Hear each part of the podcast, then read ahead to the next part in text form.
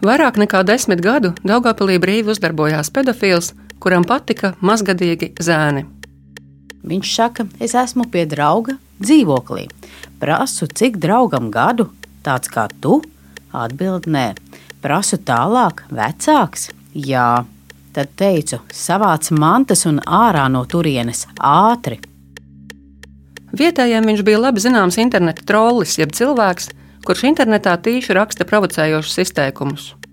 Un viņš nosauca sevi pašu, kā viņš arī komentāros. Un es sapratu, ka tas ir viņš.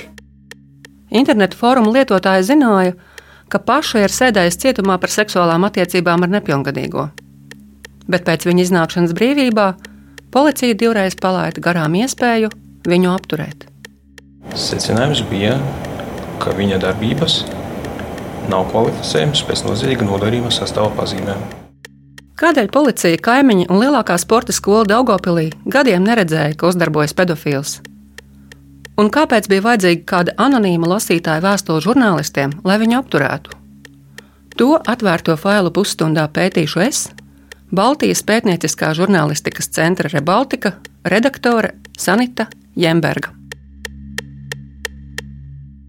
Pirmā daļa - viņš nosauca sevi paša. Pagājušā gada vēlā rudenī Rebaltika redakcijas paskastītē bija iemesta aploksne. Tajā bija apsveikuma kartīte ar uzrakstu Īpaši tev, kurai bija pielīmēta atmiņas karte.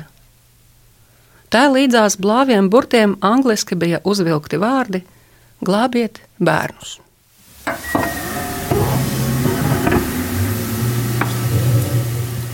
Kad atmiņas karti ievietoja datorā un to atvēru, uz ekrāna ieraudzīju apmēram simt failu ar fotografijām, video, kā arī vienu dokumentu. Pirmās fotogrāfijas bija datētas ar 2014. gadu, pēdējās ar 2019. Bildēs bija vairāki, apmēram 10 līdz 14 gadus veci puikas. Viņi bija apakšbiksēs ar paplastām kājām, blakus ēdienu šķīvim, iegrimuši spēlītēs, telefonos vai datorā. Jo tālāk skatījos, jo fotografijas kļuva kailākas un pornogrāfiskākas. Vairākās bildēs bija redzams arī pieaudzis vīrietis. Dokumentā, kas bija pievienots foto un video materiālam, bija uzrakstītas tikai dažas rindas. Tajās bija minēts uzvārds, nepilnīga adrese, lūgums neizpaust informācijas avotu un piezīme, ka vīrietis ar to nodarbojas vismaz no 2012. gada un turpina joprojām.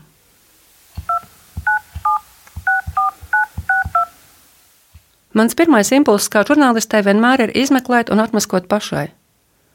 Taču te svarīgākais bija ne tikai atmaskot, bet pēc iespējas ātrāk apturēt šo cilvēku. Es piezvanīju man vienīgajam zināmajam cilvēkam, kurš varētu zināt, kā labāk rīkoties. Policijas izmeklētājai Lilijai Latišenko Burakovai. Jūs man bijāt piezvanījis darbdienas beigās jau bijāt teikusi, ka uz jūsu Rebaltika e-pastu bija nākusi vēstule no anonīma lietotāja kaut kāda aploksne. Jūs man lūdzāt, ņemot vērā, kā uz kartiņas bija ieraksts par to, ka visticamāk tur atrodas bērnu pornogrāfija, apskatīties to atmiņas karti un tad, nu, rīkoties attiecīgi pēc likuma. Tad jūs uh, tikāt aicināti pie manis, atbraucāt burtiski 20 minūšu laikā. Viņa strādā ar smagākajiem seksa un pedofīlijas noziegumiem Rīgā un tās apkaimē. Mēs iepriekš bijām iepazinušās citā pacienta seksuālā izmantošanā apsūdzētā imunologa Jevģīnija Nikiforenko lietā, kura Baltika izmeklēja kopā ar Latvijas radio.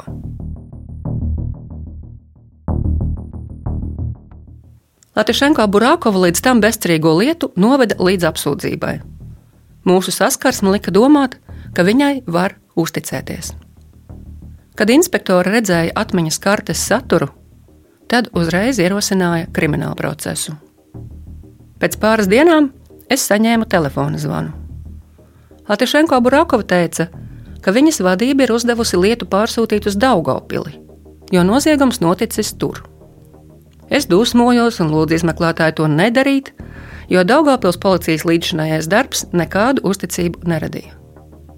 Latišenko Burakova lūdza mums dot policijai vēl mēnesi laika un pašām uz Daugopili nebraukt, lai neizbiedētu aizdomās turamo aizturēšana nebija plānota uzreiz, jo vajadzēja noskaidrot personas, tas ir mazgadīgās personas, mazgadīgas puikas, kas bija redzamas attēlos un video ierakstos, kā arī, cik es saprotu, Latgales reģions izvēlējas taktiku kādu brīdi novērot uh, to iespējamo vainīgo personu. Viens no novērošanas iemesliem bija fakts, ka nekur nestrādājošais vīrietis braukāja ar visai jaunu automašīnu. Tas radīja aizdomas, ka viņš bērnu pornogrāfiju varētu ne tikai izgatavot, bet arī tirgot. Kamēr policija strādāja uz vietas, es tikmēr meklēju ziņas par šo vīrieti internetā. Izrādījās, ka Daugopiliešiem viņš nav svešs. Pirms daudziem gadiem pilsētas fórumos vīrietis bijis aktīvs trollis ar sagvārdu paša.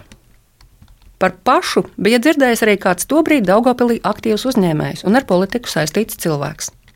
Pietiekami daudz bija man publikāciju, un publikācijās, protams, kāds raksta kaut ko savu pēc komentāros. Viņš nevēlas, lai pēc tik daudziem gadiem viņa īsto vārdu saista ar šo gadījumu. Tādēļ raidījumā viņu saukšu par Andri. Viena komentāra īpaši izcēlās, viņi tādi mm, centās īpaši aizskart, un tāpat laikā tāda novirzīta, kā ja būtu kaut kas tāds bezpalīdzīgs manā personā, tad viņš izrīkotos īpaši nelabvēlīgi.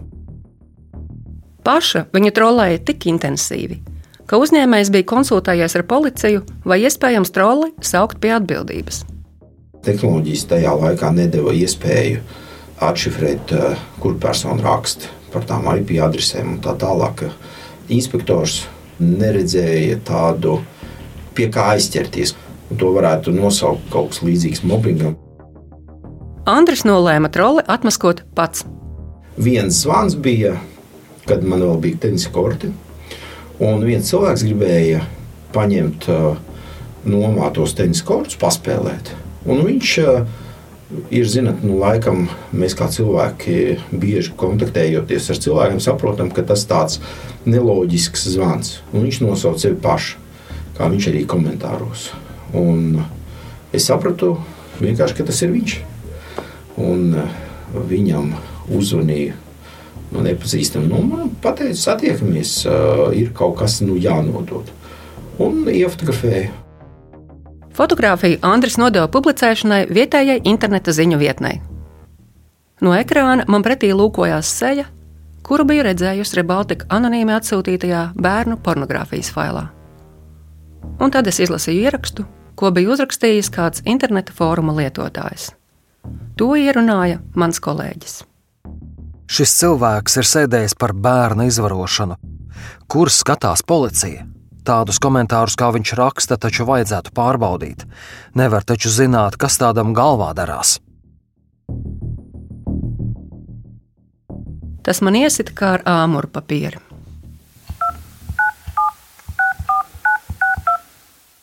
Piezvanīju avotam ar pieeju tiesu spriedumu datubāzei. Pēc īsa brīža atskanēja atbildes zvans. Jā, No 2005. līdz 2010. gadam vīrietis bija ieslodzījumā Daugopils cietumā par nepilngadīgā seksuālo izmantošanu. Pirmās uz Rebaltika redakciju atsūtītās fotogrāfijas bija datētas četrus gadus vēlāk, bet no zīmītes varēja saprast, ka darbības atsācis vēl agrāk. Vīrieti sauca Pāvils Kasperovičs. Otrā daļa - interesanta laika pavadīšana.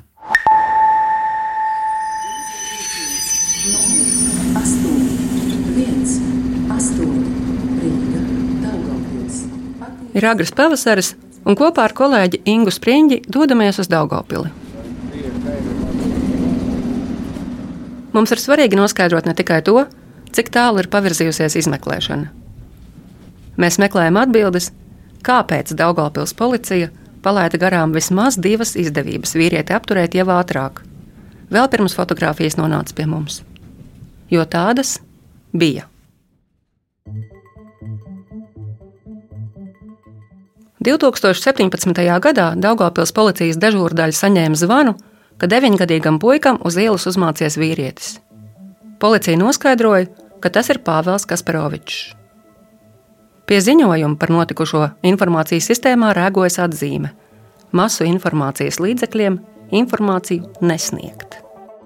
Bija saņemtas ziņas par to, ka nenoskaidrota persona ir komunicējusi ar bērniem, Vladislavs Okuņevs ir policijas Dienvidlatgales iecirkņa priekšnieks Daugopilī. Viņš ir norīkots ar mums runāt par abām vecajām lietām. Policija noskaidroja šo personu, nu arī izvērtēja viņa darbības. Vai viņa darbības ir kvalificējamas vai nekvalificējamas pēc noziedzīga nodarījuma sastāvā pazīmēm. Un secinājums bija?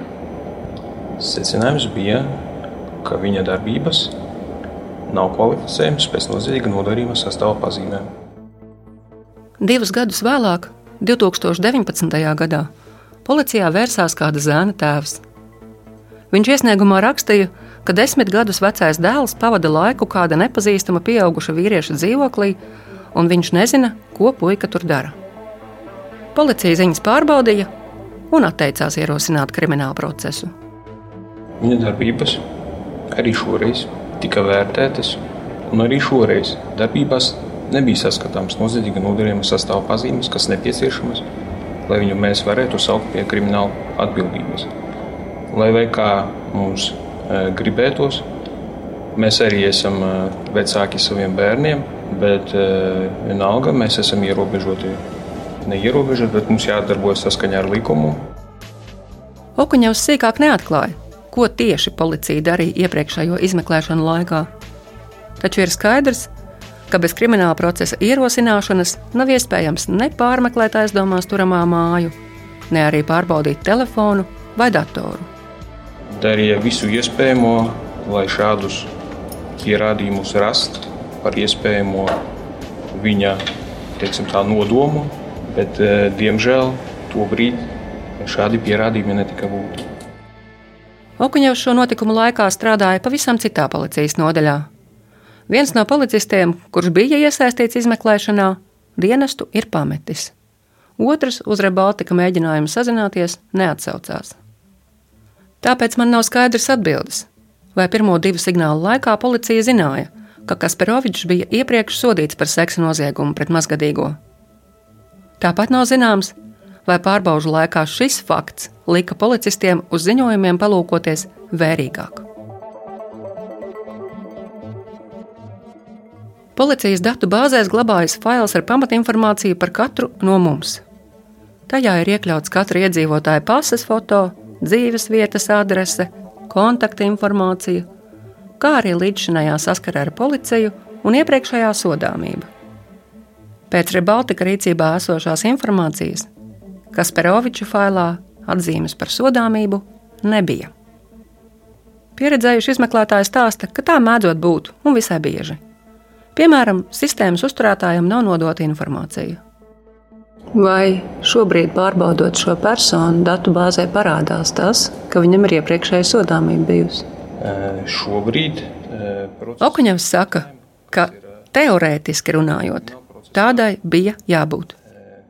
Tomēr atvērt failu mūsu klātbūtnē Okuņevs nedrīkstot, jo tādas tiesības ir tikai izmeklētājam. Ne jau katra jebkura persona, amatpersona, es domāju, ir tiesīga šo personu pārbaudīt.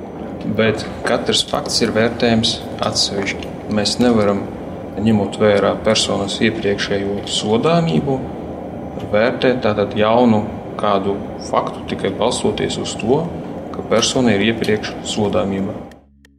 Mēs lūdzām iespēju intervēt pēdējās lietas izmeklētāju, bet viņa vietā policija deleģēja kolēģi, kura ir vairāk pieredzējusi saziņā ar žurnālistiem. Latvijas reģiona pārvaldes krimināla policijas biroja darbinieci Ingunu Pužuli.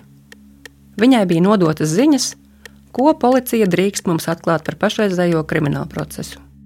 Jūs zināt šajā gadījumā, kā tie bērni tika ievilināti? Tik smalki man informācija nav. Bet uh, es sapratu, ka tieši nu, interesanta laika pavadīšana. Jā, man vairāk interesē, kur viņš viņus ir uzrunājis. Vai tīklā? Sabiedriskā, sabiedriskā vietā. Trešā daļa tikai spēlējās ar mani.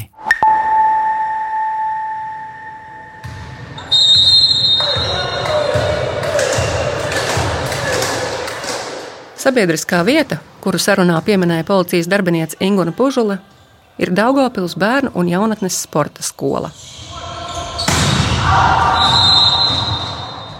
Tur tolaik zem viena jumta trenējās basketbolisti, volejbolisti, futbolisti, biatlonisti un citu pilsētas jaunie sportisti. Lielajā ēkā ir arī trenižieru zāle, kuru par maksu var apmeklēt ik viens. To darīja arī Pāvils Kasparovičs. Turpina Ingūna Pužula. Reālā situācija ir tāda, piemēram, policija saņem ziņu, ja, ka pie bērniem nu, piesienās vīrietis. Viņa sāk skaidrot, kā policija reaģēja uz ziņām, ja bērnam publiskā vietā kāds piesienas, izmantojot situāciju no savas dzīves. Manas meitas klases biedrene toreiz gāja pirmajā klasītē, laikam, vai otrajā klasītē. Un uh, bija informācija, ja, ka parkā bērniem piedāvā konfekts vīrietis ja, momentā. Vecāki WhatsApp grupā uzrakstīja, informēja. Ja. Es ieraudzīju to informāciju. Es pazvanīju mūsu dežūdaļai, pazvanīju pašvaldības policijai. Tika organizētas patrulēšanas parkā. Pēc video skatījās, meklēja, kur tā persona varētu būt persona viltīga. Viņa zina, kur kameras stāv parkā. Ja? Tika uzraudzīta šī teritorija. Ja? Vairāk tādu gadījumu neatkārtojas, vismaz informācija nebija saņemta. Kasparoviča gadījumā bija divi ziņojumi par sporta skolu. Bet policija par to nepaziņoja pat skolas vadībai, kas būtu varējusi brīdināt vecākus. Ne. Labdien! Labdien! Vai tas būtu Utināna kungs? Jā sazinos ar toreizējo sporta skolas direktoru Imantu Utinānu. Varat man veltīt pāris minūšu? Nu, pa kādu tēmu? Lieta tāda, ka es saprotu, ka jūs ilgus gadus bijāt uh, Daugopils bērnu sporta skolas direktors. Nu, bija, bija tāda apvienota skola, vislielākā ārviņa. Nu. Mēs izmeklējam vienu gadījumu, kur Daugopilī pedofils ir uzmācījies bērniem, Un 2019. gadā viena bērna vecāki uzrakstīja iesniegumu policijai. Un tā vieta, kur viņš tam bērnam bija piesējies, bija sporta skola. Sporta skolas ēkā? Pirmajā gadījumā Kasparovičs zēnu bija uzrunājis uz ielas pie sporta zāles, otrajā jau treniņu zālē. Vienīgais, ko es vēlos saprast, ir, vai policija jebkad sazinājās ar jums kā skolas direktoru, lai brīdinātu, ka tāda lieta ir? Nē, man ir vispār pirmā dzirdēšana par tādu lietu. Mēs uzmeklējām incidentā iesaistītā zēna mammu Daugopilī. Lai pasargātu viņas identitāti, sievietes teikto ierunāja mana kolēģe kur iepazinās, dēls gāja uz treniņiem uz volejbola skolu. Šis vīrietis tur pie viņa pienāca, prasīja, ar ko nodarbojies, kādi tev nākotnes plāni, ko gribi darīt. Lūk, tajos treniņos arī iepazinās, un viņš sāka viņu aicināt ciemos. Cik saprotu, viņš tur bija nevienu reizi vien. No viņas uzzinājām, kas īsti toreiz notika. Tā bija rudens diena, aizgājām visa ģimene, es, vīrs, meitiņa, mazais bērns pastaigāties. Dēls bija izgājis jau kādu pusotru stundu agrāk. Kad mēs staigājām, zvanīju viņam, nāca pie mums, un fonā bija tāds klusums. Es viņam prasīju, kur esi, viņš staigāja ar draugu. Tas viss skanēja tik aizdomīgi. Es prasu, kurā vietā. Viņš saka, pie Rimī. Zēna no tālākā izglāba mammas vērīgums, ka sarunas fona klusums neliecina par atrašanos uz ielas. Prasu, kurā vietā? Viņš saka, es esmu pie drauga dzīvoklī. Prasu, cik draugam gadu, tāds kā tu? Atbild nē. Prasu tālāk, vecāks? Jā. Prasu, nu cik? 20? Nē. Saku, kā tētis? Nē. Saku, tu ko pavisam vecs? Dēls saka, jā. Prasu, ko darāt? Viņš spēlējam video spēles. Tad teicu, savāc mantas un ārā no turienes ātri. Kad zēns pārnāca mājās, viņš sākumā nevēlējās neko atklāt, kamēr māma nepiedraudēja izsaukt policiju. Tad viņš teica, mamīt, es visu pastāstīšu. Viņš ir labs, viņš neko sliktu nedarīja, tikai spēlējās ar mani un pacienāja. Prasīju, vai viņš piesējās, aiztika tevi vai vēl kaut ko. Viņš teica, ka nē. Tikai satiekoties apskāvis un viss. Noskaidrojot adresi, kurā puika viesojies, zēna tēvs devās uz turieni. Pretī iznāca sieviete, viņa māte, sāka klaigāt, ko jūs te atnākuši tā un šitā. Vīrs prasīja, kādā sakarā tu vispār ved nepilngadīgu bērnu uz savu dzīvokli. Viņa teica, viņa video spēles spēlē, es viņu ar kaut ko tur pacienāju. Nebija kautiņa nekā tāda. Pēc tam vīrs aizbrauca rakstīt iesniegumu uz policiju, diezgan ilgi bija. Pēc tam pienāca atteikums, jo nepietiekot pierādījumu, nu tā pie mums parasti notiek. Она могла не знать, что к ее взрослому сыну приходит Zēna mātei jautājām, vai aizdomās turētā pedofila māte varēja nezināt, ka pie viņas dēla nāk nepilngadīgi bērni. Tā kā viņi tur bija, taisīja pankūciņas un maizītes vai ko tur. Ceturtā daļa - datu nesējs. Tu zini dzīvokļa numuru, ja? Es zinu, tu man stāv augstāk. Nē. Kasparovičs dzīvoklis, kurā neprecētais vīrietis dzīvoja kopā ar māti, atrodas vienā no Daugopils daudz dzīvokļu māju rajoniem, ar skatu uz izglītības iestādi. Dzirdi, ir, ir kaut kāda skaņa. Es paklausīšos. Pagaidzi. Uz zvana un klauvējieniem neviens durvis neatver. Tāpēc nezinām, ko viņa māte saka par notikušo. Tuviniekiem krimināla procesā ir tiesības neliecināt pret saviem tuvākajiem. Turklāt likums par neziņošanu neļauj apsūdzēt arī radiniekus, kuri dzīvo vienā miteklī. Tāpat nevaram atbildēt, vai kaimiņi ar kodu slēgtajā kāpņu telpā varēja nepamanīt, ka uz dzīvokli regulāri nāk mazgadīgi puikas. Pretējā kaimiņiem durvis atvēra, bet kategoriski atteicās ar mums runāt. Viņa solīja nodot Kasparoviča mātei manis ātri uzskribelēto zīmīti, ka vēlos parunāt par viņas dēlu un telefona numuru. Telefona zvans tā arī neatskanēja. Es arī nezinu, ko savai aizstāvībai teiktu pats Pāvils Kasparovičs.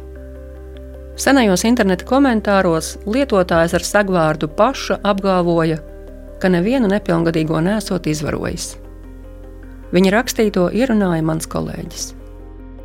Es zinu, ka mana sirdsapziņa ir tīra. Es nekad nevienu neesmu izvarojis, bet tas, ka man ir noskūpstīta metas pat sikspāņi, tikai liecina par manu šārmu. Lietotājs paša atbild arī kādam anonīmam komentētājam, salīdzinot sevi ar režisoru Romānu Palaņski un dziedātāju Maiklu Džeksonu. Arī viņus seksuāli pievilka nepilngadīgie. Pareizi, ka nopublicēja. Pašam ar viņa pagātni vispār būtu jāsēž klusiņā, nepievēršot uzmanību. Tā kā saņēma pēc nopelniem. Kāpēc? Polaņskim arī vajadzēja mutautiņā šņukstēt? Džeksonam? Pagājušā gada 12. decembrī policija 1978. gadā dzimušo vīrieti aizturēja. Viņam inkriminēja seksuālu vardarbību, bērnu pornogrāfijas izgatavošanu un nepilngadīgo iesaistīšanu šajā nodarbē. Tiesa viņu izmeklēšanas laikā nolēma paturēt apcietinājumā, sākumā uz diviem mēnešiem. Pēdējā adventa svētdienā man piezvanīja izmeklētāja no Rīgas - Lilija Latušenko Burākova. Viņa bija pirmais cilvēks, kam es zvanīju šīs lietas sakarā. Diemžēl man bija piezvanījuši no Latvijas reģiona ar sliktu ziņu, kā vainīga persona pēc tam, kad viņam tika piemērots drošības līdzeklis apcietinājums. Būdama cietumā, tas ir Baltais gulbis, jā, bija izvēlējusies savu likteni. Ieslodzījuma vietu pārvaldē man apliecināja, ka vīrietis izdarīja pašnāvību nākamajā dienā pēc atvešanas. Iestādes amatpersona gan atteicās komentēt, kā tas bija iespējams. Kamerā viņš esot bijis viens.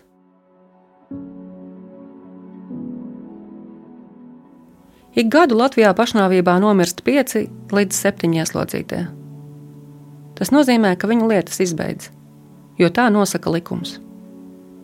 Mēs par šo notikumu neziņojām ātrāk, jo gaidījām, kad policija tiks skaidrībā ar kratīšanā izņemto datoru, telefonu, kā arī informāciju no citiem datu nesējiem. Izmeklētājiem bija jāsaprot, vai runa ir par starptautisku pornogrāfijas tīklu. Tāpat bija jānoskaidro, cik bērnu pedofilu darbībās varēja būt iesaistīti. Stāsta Ingūna Pužula. Uz doto brīdi tika identificēti četras personas, jā, trīs no tiem noskaidrots, ka nozieguma izdarīšanas brīdī bija mazgadīgas personas, un viņas tika atzītas par īpaši aizsargājumiem cietušiem. Vienam cilvēkam ir liecinieka status. Uz doto brīdi nav iegūta tāda informācija, kas liecinātu, ka pornogrāfiski rakstura materiāli būtu izplatīti.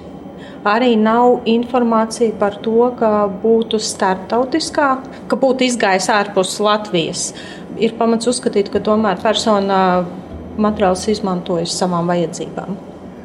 Ja jūsuprāt, šie dati nekur citur nav izgājuši, kā šie dati varēja nonākt datu nesējā, kas tika atsūtīts Rebaltikai? Ar datu nesēju. Nozakts? Es saprotu, ka šajā gadījumā pie cilvēka mājās apgrozījās vairākas personas. Kurš tas bija? Nu, žēl, ka šis cilvēks nepastāstīja, kā tie dati pie jums nokļuva. Bet paldies viņam, ka viņš paziņoja. Jo diez vai tie bērni paši par to būtu stāstījuši. Kas jums liek domāt, ka nē? Kauns. Sākumā mēs nedomājām saukt Pāvelu Kasparoviču vārdā, jo miris cilvēks nevar aizstāvēties.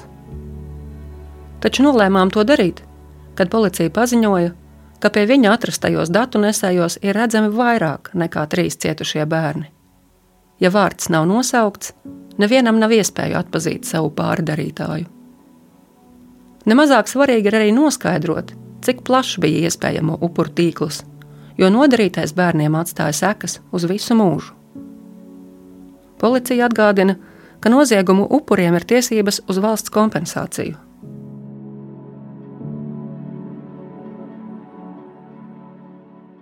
Man pēc šīs lietas neliek mierā divi jautājumi. Pirmais - vai policija izmantoja visas iespējas pedofilu apturēt ātrāk?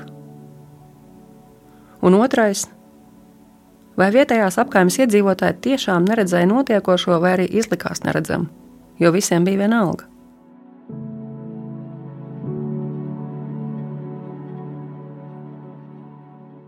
Radījumu veidoja Sanita Jemberga, Inga Spriņģe, Anija Petrova, Ķedards Ķelzis un Rēnis Budze. Atvērtie faili!